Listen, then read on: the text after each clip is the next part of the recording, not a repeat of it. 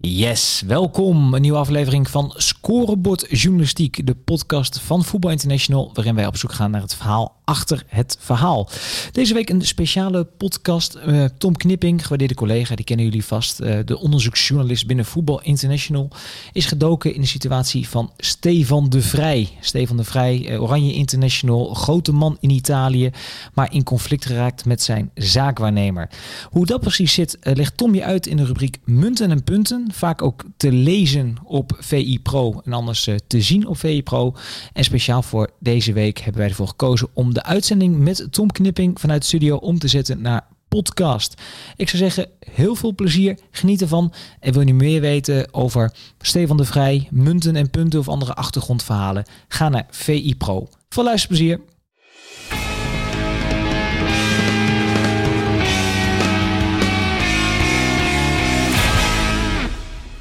Yes, welkom bij nieuwe Munten en Punten. De rubriek van Tom Knipping, waarin hij op zoek gaat naar de verhalen.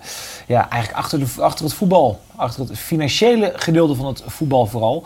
Ja, in dit geval ook speciaal voor YouTube, om toch even te laten zien wat we eigenlijk wel vaker op VI Pro doen. Tom, welkom weer in de studio van Voetbal International. Um, we gaan het hebben over Stefan de Vrij en de Sports Entertainment Group, SEG. Ja, dat is een, een langslopend verhaal. Uh, Follow the Money, een uh, andere ja, onderzoekssite moet ik zeggen, heeft daar eerder al over gepubliceerd. En nu zijn er wat meer details op straat gekomen eigenlijk. Hè? Ja, vorig jaar zijn we het eerst gepubliceerd over een enorme ja, miljoenenruzie tussen Stefan de Vrij en SEG, de Sport Entertainment Group, kortweg SEG. Dat is een van de grootste makelaarskantoren van Nederland. En ze hebben al heel lang een conflict met elkaar en uh, daarover dient uh, over twee weken een rechtszaak in, uh, in Amsterdam, die Stefan de Vrij heeft uh, aangespannen. En waarin hij een ja, miljoen of tien eist van, van zijn voormalige makelaars. Ja, vrij ongebruikelijk. hoe dit nou precies zit, gaan we in deze video bespreken. En daar hebben we een mooie tijd lang voor gemaakt. Eerst maar eens even kijken hoe de beginperiode van Stefan de Vrij verliep. Wanneer Stefan de Vrij 16 jaar is, wordt hij opgepikt door een scout van SEG. De verdediger van Feyenoord en het makelaarskantoor sluiten geen onderling contract. Maar Zeg staat er vrij wel bij tijdens het afsluiten van zijn eerste contract bij Feyenoord. Zeg ontvangt hiervoor een commissie van 5%. Kees Vos, de eigenaar van Zeg, en de Vrij worden huisvrienden. En het makelaarskantoor groeit uit tot de grootste speler op de Nederlandse markt. En ook de Vrij maakt naam. Zeker na het succesvolle WK in 2014. Ja, Tom, want uh, Stefan de Vrij, uh, speler van Feyenoord, een redelijk talent, mag ik dat zeggen? Uh, ja, in die periode werd hij niet gezien als grootste talent van de, van de opleiding. Um, maar wel als iemand die gewoon uh, een goede profvoetballer natuurlijk kan worden. En vaak worden spelers dan op 16-jarige leeftijd opgepikt door een, uh, door een zaakwaarnemer. Want dat is ook de leeftijd waarop je voor het eerst een arbeidscontract mag sluiten met een, met een club. En in zijn geval sloot hij zich aan bij, ja, bij SEG. Een van de scouts van SEG. Die raakte bevriend met hem. Um, de vrij sloot zich aan bij het bedrijf, maar dat betekent niet altijd dat er ook daadwerkelijk een contract uh, wordt getekend. Dat wordt vaak wat informeel geregeld. Ja, dat, dat is wel vreemd, hè? want uh, spelers sluiten zich aan bij een makelaarskantoor. Ja. Maar dan zou ik zeggen, je, je spreekt elkaar af voor een periode van 1, 2, 3, 4 jaar. Uh, gaan we met elkaar in zee en je zet een handtekeningetje eronder. Maar dat gebeurt vrij nou, vaak het gebeurt niet. toch meer, vaker niet, niet dan wel. Want in de praktijk, je mag, ah, zo'n contract mag maximaal twee jaar duren. Uh, blijkt ook vaak dat spelers heel makkelijk onderuit kunnen. Uh, en makelaars vinden het ook vaak interessanter om niet zo'n contract te hebben, omdat ze dan bij een deal vrij zijn om ingehuurd te worden door een club. En dat is vaak financieel aantrekkelijker dan uh, als je officieel wordt ingehuurd voor het bijstaan van de speler. Dat is, dat is ook een van de redenen. Uh, bij SEG is het zo dat ongeveer 60% van de spelers geen contract heeft. Uh, maar Mino Raiola zegt bijvoorbeeld altijd van die sluit sowieso geen contracten. Want uh, ja, je sluit ook geen contract met je tandarts. Waarom zou je dan een contract moeten sluiten met je makelaar? Zo zijn beide partijen altijd vrij uh, om te gaan en staan waar ze willen. Ja, ze spelen niet, tevreden, niet tevreden over een makelaar, dan kan hij naar een ander gaan. En ja, heeft de makelaar geen zin meer om een speler te begeleiden, dan kan ook heel makkelijk natuurlijk het contact verbroken worden. Dan heb je met een contract niet. Dus vaker, en bovendien zit aan een contract zit ook nog allerlei administratieve onderhandelingen vast, want dan moet je dan ook weer bij de bond registreren enzovoort. Dus praktisch, het praktische oogpunt, logisch ja. om het op deze manier ja. te doen. Uh, Stefan de Vrij is een opkomende verdediger in Nederland bij Feyenoord. Ja, en Zeg was op dat moment ook een opkomend kantoor. Hè? Want het is uh, een kantoor wat volgens mij in 2007 of 2008 is ontstaan. Er was een fusie tussen een ander bedrijf uit Amsterdam en het kantoor van Kees Ploegsma ja. uit Eindhoven. Um, en zij benaderde de markt eigenlijk ultra zakelijk. Hè? Want ook de, de transferindustrie werd natuurlijk steeds groter. Ook spelers die wilden gewoon eigenlijk vooral uh, dat makelaars transferopties boden. Hè? Want het, ik kan in het verleden Johan Cruijff, werd, uh, geloof ik, zijn hele carrière begeleiden zijn schoonvader. Ja. ja. die kun je nu niet meer voorstellen. Spelers willen gewoon transferopties hebben. Dus SEG werd eigenlijk een heel groot kantoor die het ultrazakelijk benaderde en ja, zoveel mogelijk opties in kaart wilde brengen, ook via samenwerkingen met, uh, met buitenlandse uh, zaakwaarnemers. Uh, dus werd heel snel een groot kantoor. Dat, dat, verhaal sprak blijkbaar veel internationals aan. Want ja, op het hoogtepunt zat een derde van Oranje zat bij, bij SEG. Een grote partij dus? Nou, op dat, ja, ze, ze, ze werden marktleider. Hè, ze overvleugelden eigenlijk Rob Jansen. Ja, dus je zou eigenlijk zeggen in de basis Stefan de Vrij zat bij een uitstekend makelaarskantoor en ontwikkelde zichzelf ook tot een steeds betere verdediger met een, uh, wat we net zagen, met een uh, WK in 2014. Ja, toen is hij natuurlijk internationaal voor het eerst echt in beeld gekomen. Uh, ik geloof dat hij rond 2010 basisspeler werd bij Feyenoord. Hè. Ronald Koeman maakte hem ook aanvoerder. Alleen Feyenoord speelde in die periode geen Europees voetbal. Dus internationaal was hij toen nog niet zo nadrukkelijk in beeld. Alleen en toen kwam dat WK 2014, waar, uh, ja, waarin hij toen geweldig presteerde en uh, zelfs werd uitgeroepen tot, tot uh, ja, beste verdediger van het toernooi. En toen sloeg Lazio toe. Lazio Roma komen. we kunnen even kijken naar ja, de volgende fase in de carrière ja, van Stefan de Vrij.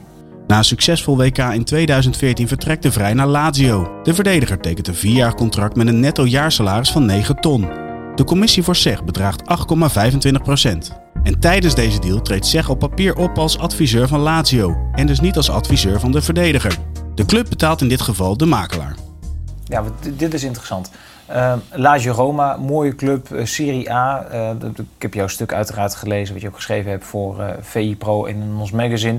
gaat over 9 ton netto per jaar ja. verdienen. ja, iedereen gelukkig in, in Huizen de Vrij en bij Zeg, denk ik dan. Ja, dat was op dat moment ook zo. Hè. Het conflict is er ook pas later ontstaan. Ze waren echt vrienden. Hè? De, de, ook de eigenaar van SEG met de Vrij. De Vrij kwam de bruiloft van de eigenaar van, van SEG. Dus het waren echt huisvrienden. En, en, natuurlijk, eh, zeker in die periode, waren ze gewoon heel close met elkaar. Um, alleen het contract was wel anders geregeld dan bij Feyenoord. Want bij Feyenoord stond SEG de speler bij. Ja. En volgens het contract bij Lazio stond SEG de club bij. En waarom was dat? Nou, dat heeft te maken met de regelgeving die verschillend is in allerlei uh, landen. Uh, in Italië is het zo geregeld. Kijk, wat sowieso vaststaat is de club betaalt altijd de commissie. Dat is natuurlijk heel raar in het transfersysteem. Hè. De speler huurt de adviseur eigenlijk in en die, ja, die laat hem allerlei dingen doen. En uiteindelijk betaalt de club de rekening. Dat is natuurlijk heel gek. Alleen in Italië is het zo geregeld als uh, Serge de Vrij bijstaat en factureert daarvoor commissie bij Lazio ja, dan zegt de, de fiscus in Italië, zegt, ja, wacht eens even, dat, is, dat zijn diensten eigenlijk voor de vrij, dus dat is loon in natura. Dus dan krijgt de vrij een belastingaanslag. Ja. Uh, en om dat te omzeilen is eigenlijk afgesproken, oké, dan regelen we bij de deal zo dat uh, wij, of zeg zegt dan, dat zeg Lazio bijstaat in dit geval en niet de vrij, zodat hij geen belastingaanslag krijgt. Het is een, de kostendruk eigenlijk voor alle partijen is dat uh, is de kostendruk lager. Mhm. Dat is dan de uitleg van zeggen. Um, die, ze hebben dat bijvoorbeeld ook zo geregeld bij eh, Strootman en bij, uh, bij de Roon, die, die ze ook naar Italië hebben gebracht. Dus om die reden is dat zo afgesproken bij, uh, bij Lazio destijds. En zeg kreeg er dan iets van 8% commissie over. Over, zeg maar, over het salaris van, van, van de Vrij. Is dat gebruikelijk, zo'n commissie? Uh, ja, die commissies, daar is eigenlijk geen zinnig woord over te zeggen. De FIFA wil heel graag terug naar maximale commissies. Dus 3% over het salaris. Of als je de club bijstaat, maximaal 10% van de transfersom. Maar ja, in de praktijk kan het gewoon alle kanten op. Er zijn makelaars die 5 krijgen, maar er zijn ook makelaars die 25 of 30% hebben. Ja, dus daar, is geen vaste formule voor. Het is een beetje wat de gekte voor geeft.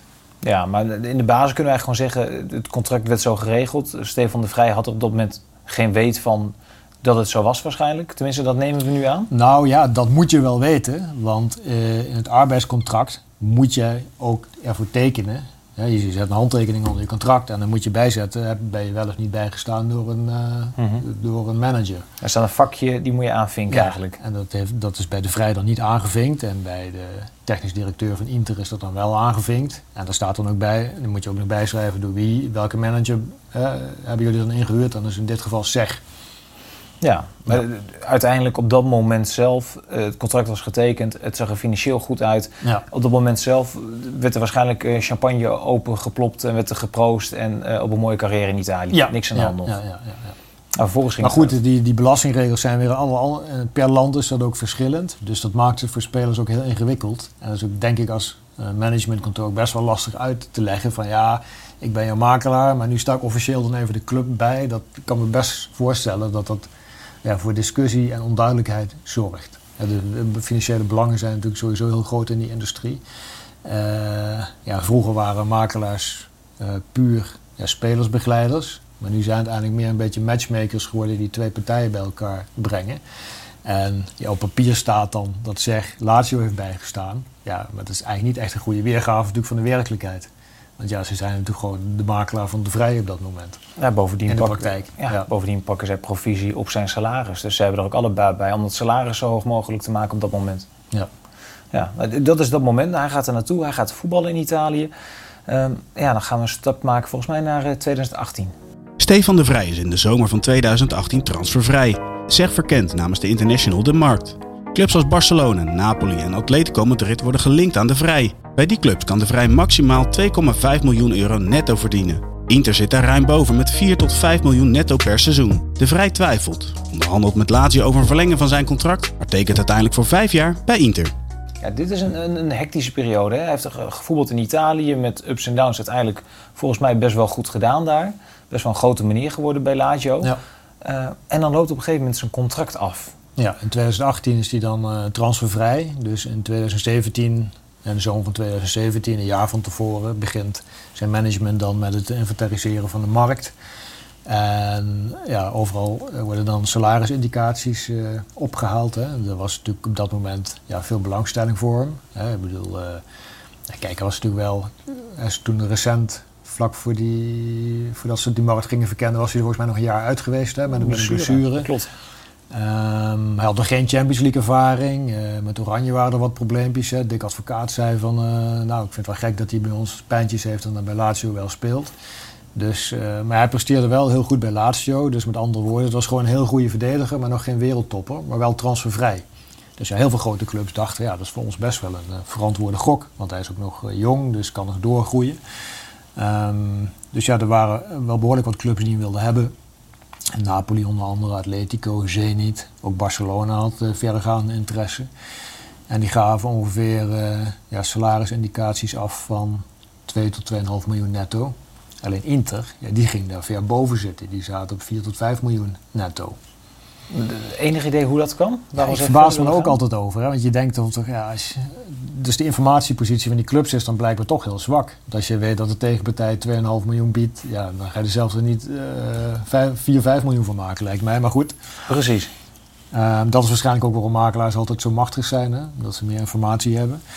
Um, maar de reden voor Inter om zoveel te bieden was ook omdat zij naast op zoek waren naar transfervrije spelers omdat zij op dat moment ja, min of meer onder curatele stonden van UEFA. Er waren allerlei problemen met financial fair play.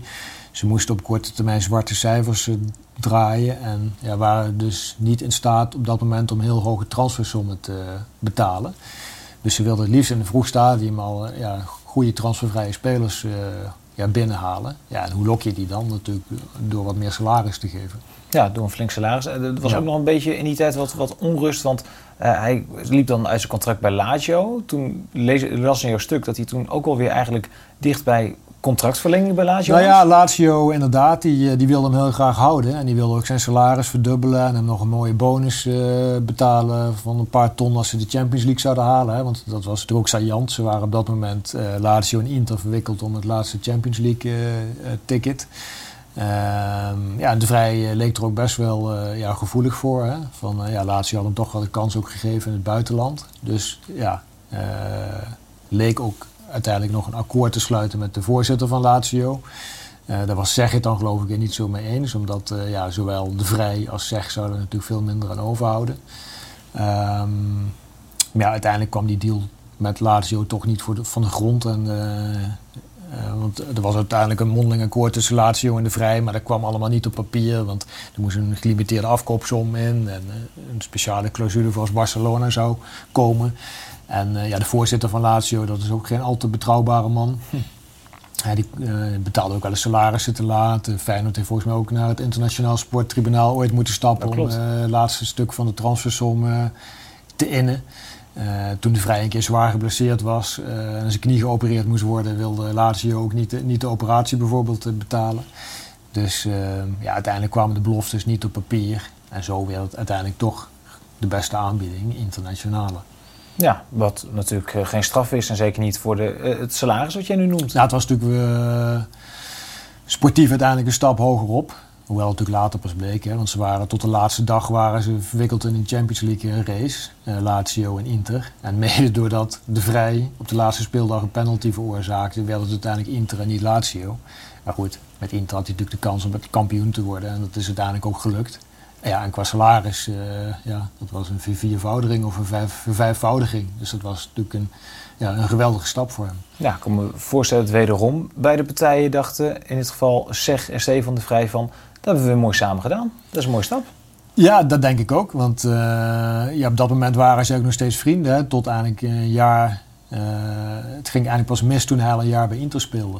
En ook op het moment dat hij overstapte, hij ging gewoon bij de vijf best verdienende spelers van, van, van Inter behoren. Ja, voor iemand zonder Champions League ervaring bijvoorbeeld. En ook die op dat moment niet het WK speelde, want dat had Oranje ook gemist. Uh, ja, de prijzenkast was één Supercup geloof ik met Lazio. Dus ja, hij had het geweldig gedaan, maar niet zeg maar, de status van de wereldtoppen. Dus het was natuurlijk wel een geweldig salaris. Een fantastische transfer. Nou, we gaan even kijken wat dat uh, vervolgens opleverde. Net als bij Lazio treedt Zeg op als adviseur van Inter en ontvangt hij voor 7,5 miljoen euro. En 2 ton voor iedere transferperiode die Inter overleeft zonder de Vrij te verkopen. Echter, de Vrij zegt niet te weten dat Zeg voor Inter optrad, waarop Zeg laat weten dat de Vrij mondeling is ingelicht. De verdediger verbreekt alle contracten met Zeg en sluit zich aan bij een Belgisch advocatenkantoor. Wat volgt is een dagvaarding naar SEG en de rechtszitting volgt op 18 februari. Ja, want wat er gebeurt, uh, het is wederom SEG die de deal uh, sluit voor uh, Stefan de Vrij. wederom met het vinkje aan de kant van nou, de hier, hier ontstaat dus de discussie inderdaad over. Kijk, SEG is nogal riant beloond voor die deal. Ook in dit geval lieten zij zich inhuren door, door de club. Hè, net als bij Lazio. Dus in dit geval liet SEG zich inhuren door Inter. Um, en kreeg daarvoor een provisie van 7,5 miljoen. Zo. Dat is natuurlijk uh, gigantisch. Um, nou, daarnaast ook nog een aantal andere afspraken. 2 ton voor elke transferperiode die Inter overleeft zonder de vrij te verkopen. Dus met andere woorden, de provisie is inmiddels opgelopen naar 8,7 miljoen of 8,9 miljoen. Ja. Dan hebben ze ook nog 7,5% doorverkoop. Um, en wat eigenlijk uh, ook heel veel discussie heeft veroorzaakt, is dat de provisie gekoppeld is aan de maximale totaalkosten voor de vrij. Dat is ook even uitleggen. Ja.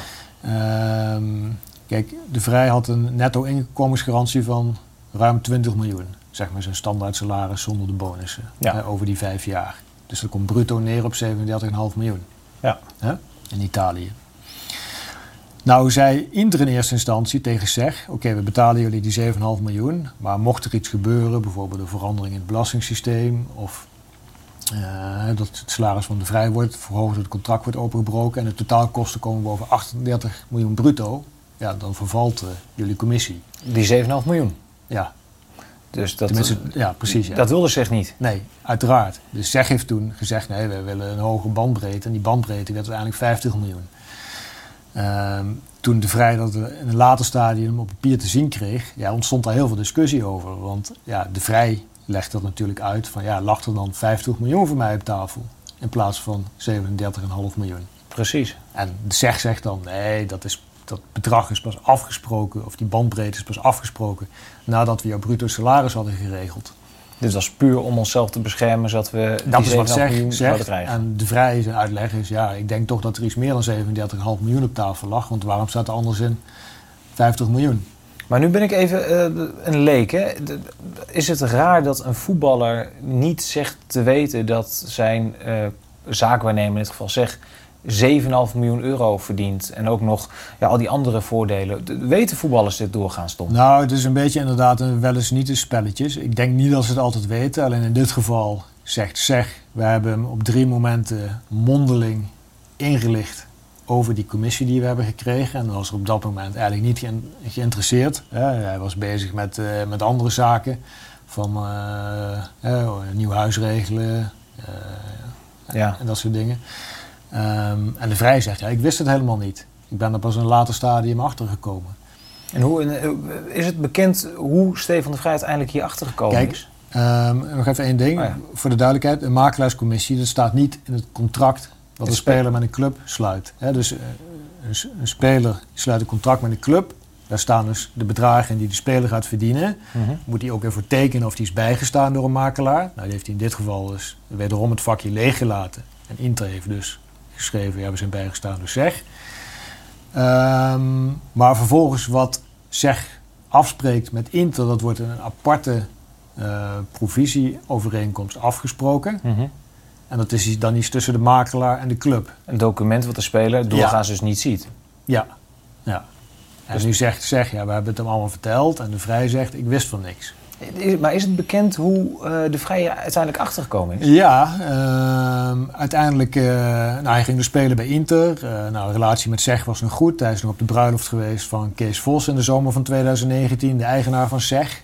Alleen toen een paar maanden later begon de Vrij kritische vragen te stellen aan zijn makelaars. de broer van de Vrij was inmiddels gestopt met zijn baan en ook fulltime zijn financieel adviseur geworden. En ja, hij had ook gehoord binnen de club dat transfervrije spelers ja, normaal misschien wel recht hadden op tekengeld. Dat had hij dan niet gehad. Uh, dus begon er vragen over te stellen. Hoe zit het met het tekengeld? Uh, hoeveel hebben jullie eigenlijk verdiend? Uh, de naam Lukaku viel ook. Hè. Die was net op dat moment als een nieuwe grote aankoop binnengehaald. Uh, en er werd ook bij gezegd van ja, ik heb informatie hierover ingewonnen bij een Belgisch advocatenkantoor. En dat was ook hetzelfde kantoor wat zaken doet voor Lukaku. Oké. Ehm, en zo is de discussie eigenlijk ontstaan. Toen uh, ja, is het hem uitgelegd door zeg. Nou ja, van die uitleg was hij niet onder de indruk. En toen een poging om de kou uit de lucht te halen, heeft een van de zaakwaarnemers van SEG hem het provisiecontract, of ik geloof aan de broer van de Vrij, het provisiecontract laten zien en overhandigd. Oké. Dus, en zo hebben ze het op papier gekregen. En toen lazen ze dus inderdaad van die 7,5 miljoen, die 2 ton bonus per half jaar en uh, die 7,5% doorverkoop en dus die garantie van 50 miljoen. Ja, dat valt nog een rauw op je dak als je daar echt zegt niks van te weten. Ja, en, daar, en vervolgens is dus uh, ja, de discussie ontstaan tussen Stefan de Vrij en zijn uh, ja, nieuwe Belgische advocaat, om het zo even te noemen, en SEG. En dat mondt nu uiteindelijk uit in een rechtszaak, waarin dus de Vrij uh, zegt van ja, zeg had helemaal Inter niet mogen bij, bijstaan. Uh, hè, want ik was onder de indruk dat ze mij altijd begeleiden. We hadden dan wel geen contract, maar uit de gedragingen van zeg bleek dat zij mij zaakwaarnemer waren. Dus dat kon eigenlijk niet. Dus de commissie die ze daarvoor hebben gekregen is onterecht. En dat geld dan zou eigenlijk mij moeten toekomen. Ja, maar nu kan ik me heel goed voorstellen dat, dat heel veel voetballers, zeker als je een transfer maakt, alleen maar bezig zijn met voetballen en zorgen alleen hun salaris, vinden ze fantastisch. Ze hebben doorgaans geen rechtenstudie afgerond of een fiscale opleiding gevolgd. Dat ze gewoon een contract hebben en zeggen van je, je moet hier tekenen en dat vakje, nee, die hoef je niet in te vullen. Ik kan me heel goed voorstellen dat dat zo gaat. Dus dat, ik neig toch een klein beetje in dit verhaal naar uh, Ja, wie gelijk is, dat vind ik moeilijk om te zeggen. Wie gelijk heeft, vind ik moeilijk om te zeggen. Dat is heel groot, voor een heel groot deel is het een wel eens niet het verhaal. En de enige partij die echt duidelijkheid kan scheppen is internationale. Alleen beide kampen hebben geen enkele getuige van Inter opgeroepen voor die rechtszaak. Ik denk dat ze ook beide de relatie met Inter niet willen beschadigen. Um, dus heel veel dingen weet je natuurlijk niet precies hoe ze zijn gegaan. Hè? Um, je hebt gelijk van, ik denk dat het vaak zo gaat. Alleen nu staat de Vrij ook wel, uh, natuurlijk wel bekend als gewoon een intelligente gast. Zeker. Um, wat mij altijd verbaast, als je het ook vanuit het perspectief van de speler bekijkt. Kijk, een speler vindt het heel normaal dat hij zijn makelaar nooit iets betaalt. De, ook de Vrij heeft, zeg in al die jaren geen cent uh, betaald. Wat best gek is, aangezien zij werk Ik zou dan toch als speler denken van ja, maar Hè, ze maken kosten voor mij, reiskosten, privéjets, uh, operatie. Ja, dat geld zal ergens terugverdiend moeten worden. Hè? Dus dat zullen ze, zij dan van de club. Hè? Ze worden natuurlijk betaald door de club. Dat is natuurlijk heel gek. Als speler verwacht je eigenlijk, mijn makelaar je zet de club met de rug tegen de muur en haalt er voor mij de beste deal uit.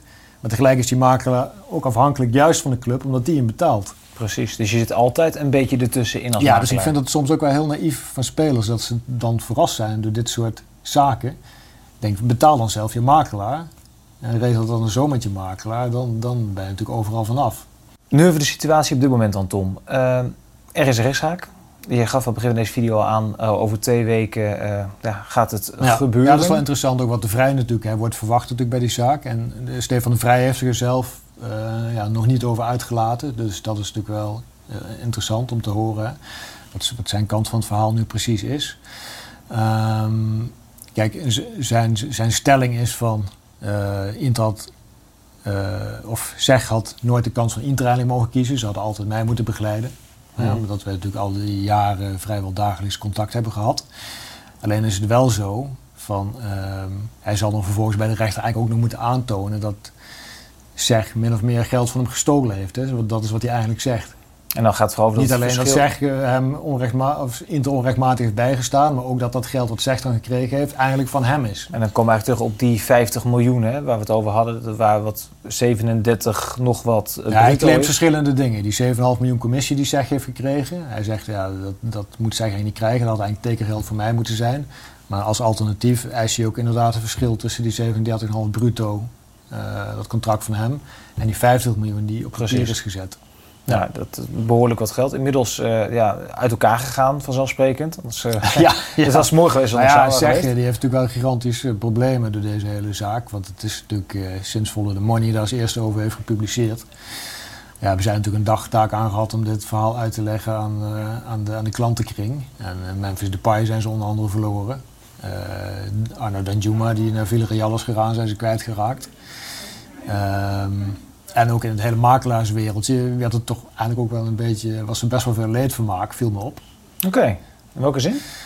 Nou ja, zeg, is bepaald niet de populairste partij uh, in, de, in de makelaarsbranche. Omdat zij ehm, ja, toch heel veel spelers van andere kantoren in de loop der jaren hebben benaderd. Of eigenlijk zonder scrupules hebben overgenomen. Ze zijn op een gegeven moment ook uit de ProAgent, dat is een belangenvereniging voor makelaars, zijn ze uitgestapt, hebben ze hun lidmaatschap opgezegd. Um, dus ja, ze, waren, ze zijn bepaald niet zeg maar, de populairste in de markt. Oké. dus het werd toch een beetje omgegniffeld dat er zo'n verhaal naar buiten kwam. Ja, ja dus de, ik las zelfs in je artikel dat er ook wat video's zelfs rondgingen hè, van... Uh... Ja, toen het bekend werd, werden inderdaad door zijn makelaars onderling video's rondgestuurd van, uh, van Stefan de Vrij en Kees Vos en uh, Betere Tijden op Ibiza. Op Ibiza ook nog, ja. En dat, dat is gebeurd. Uh, Stefan de Vrij is nu ook naar die Belgische uh, partij gegaan? Die, nou ja, die staan erbij in deze kwestie. Maar um, ja, qua uh, zeg maar spelersmanagement is hij overgestapt naar Mino Raiola. Ja, ook geen verkeerde wat dat betreft. Nee, maar daaruit blijkt wel dat het voor hem kennelijk geen principezaak is. Want um, nou, als er iemand bekend is dat hij niet voor minder doet dan 7,5 miljoen, dan is het natuurlijk Mino Raiola. En ook juist van Mino Raiola is bekend dat hij meerdere partijen bijstaat binnen deals. Hè. We hebben toen die hele Football Leagues affaire gehad, waarin allerlei contracten naar buiten kwamen. En volgens Football Leagues en die deal van Pogba naar Manchester United stond hij zowel Pogba, de verkopende partij, als de kopende partij bij. En dan kreeg hij in totaal 48 miljoen. 48 miljoen? Ja. Ja, nee, dus ja, als je dan zorgen maakt over eh, dat je makelaar ook andere partijen vertegenwoordigt en hoge excessieve commissies opstrijkt, ja, dan is Rayola natuurlijk een opmerkelijke keuze. Ja, of Mido moet alles aan de voorkant eerlijk vertellen en precies zeggen. daar, staat hij wel, daar staat hij wel bekend om. Ja. Maar ik denk dat het de vrije meer gaat dan dat alleen. Dat hij het niet eerlijk vertelt. Hij wil ook echt, gewoon het geld hebben.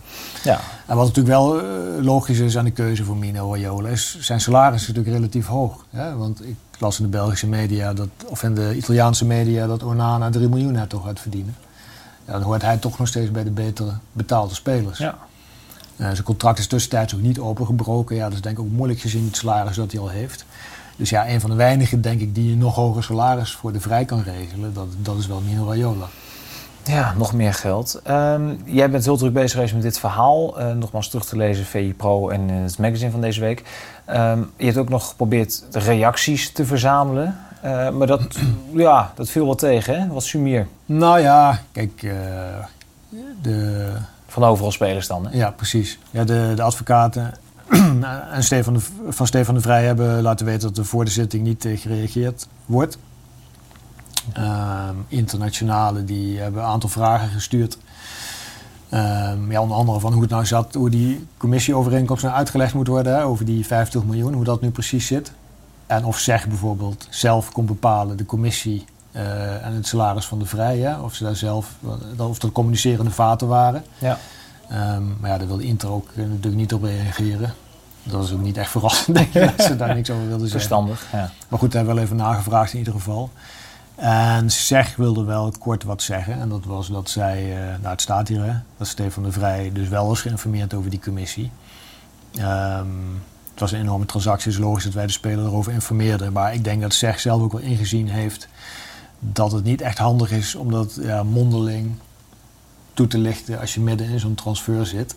Dus ze hebben inmiddels wel de policy om tijdens een aparte afspraak met een speler op papier ook echt door te nemen om dit soort problemen in de toekomst te voorkomen. En want je kunt natuurlijk wel zeggen, ja, we hebben het hem wel verteld. Maar ja, het is toch wat anders als je het een beetje tussen neus en lippen doorvertelt tijdens een etentje.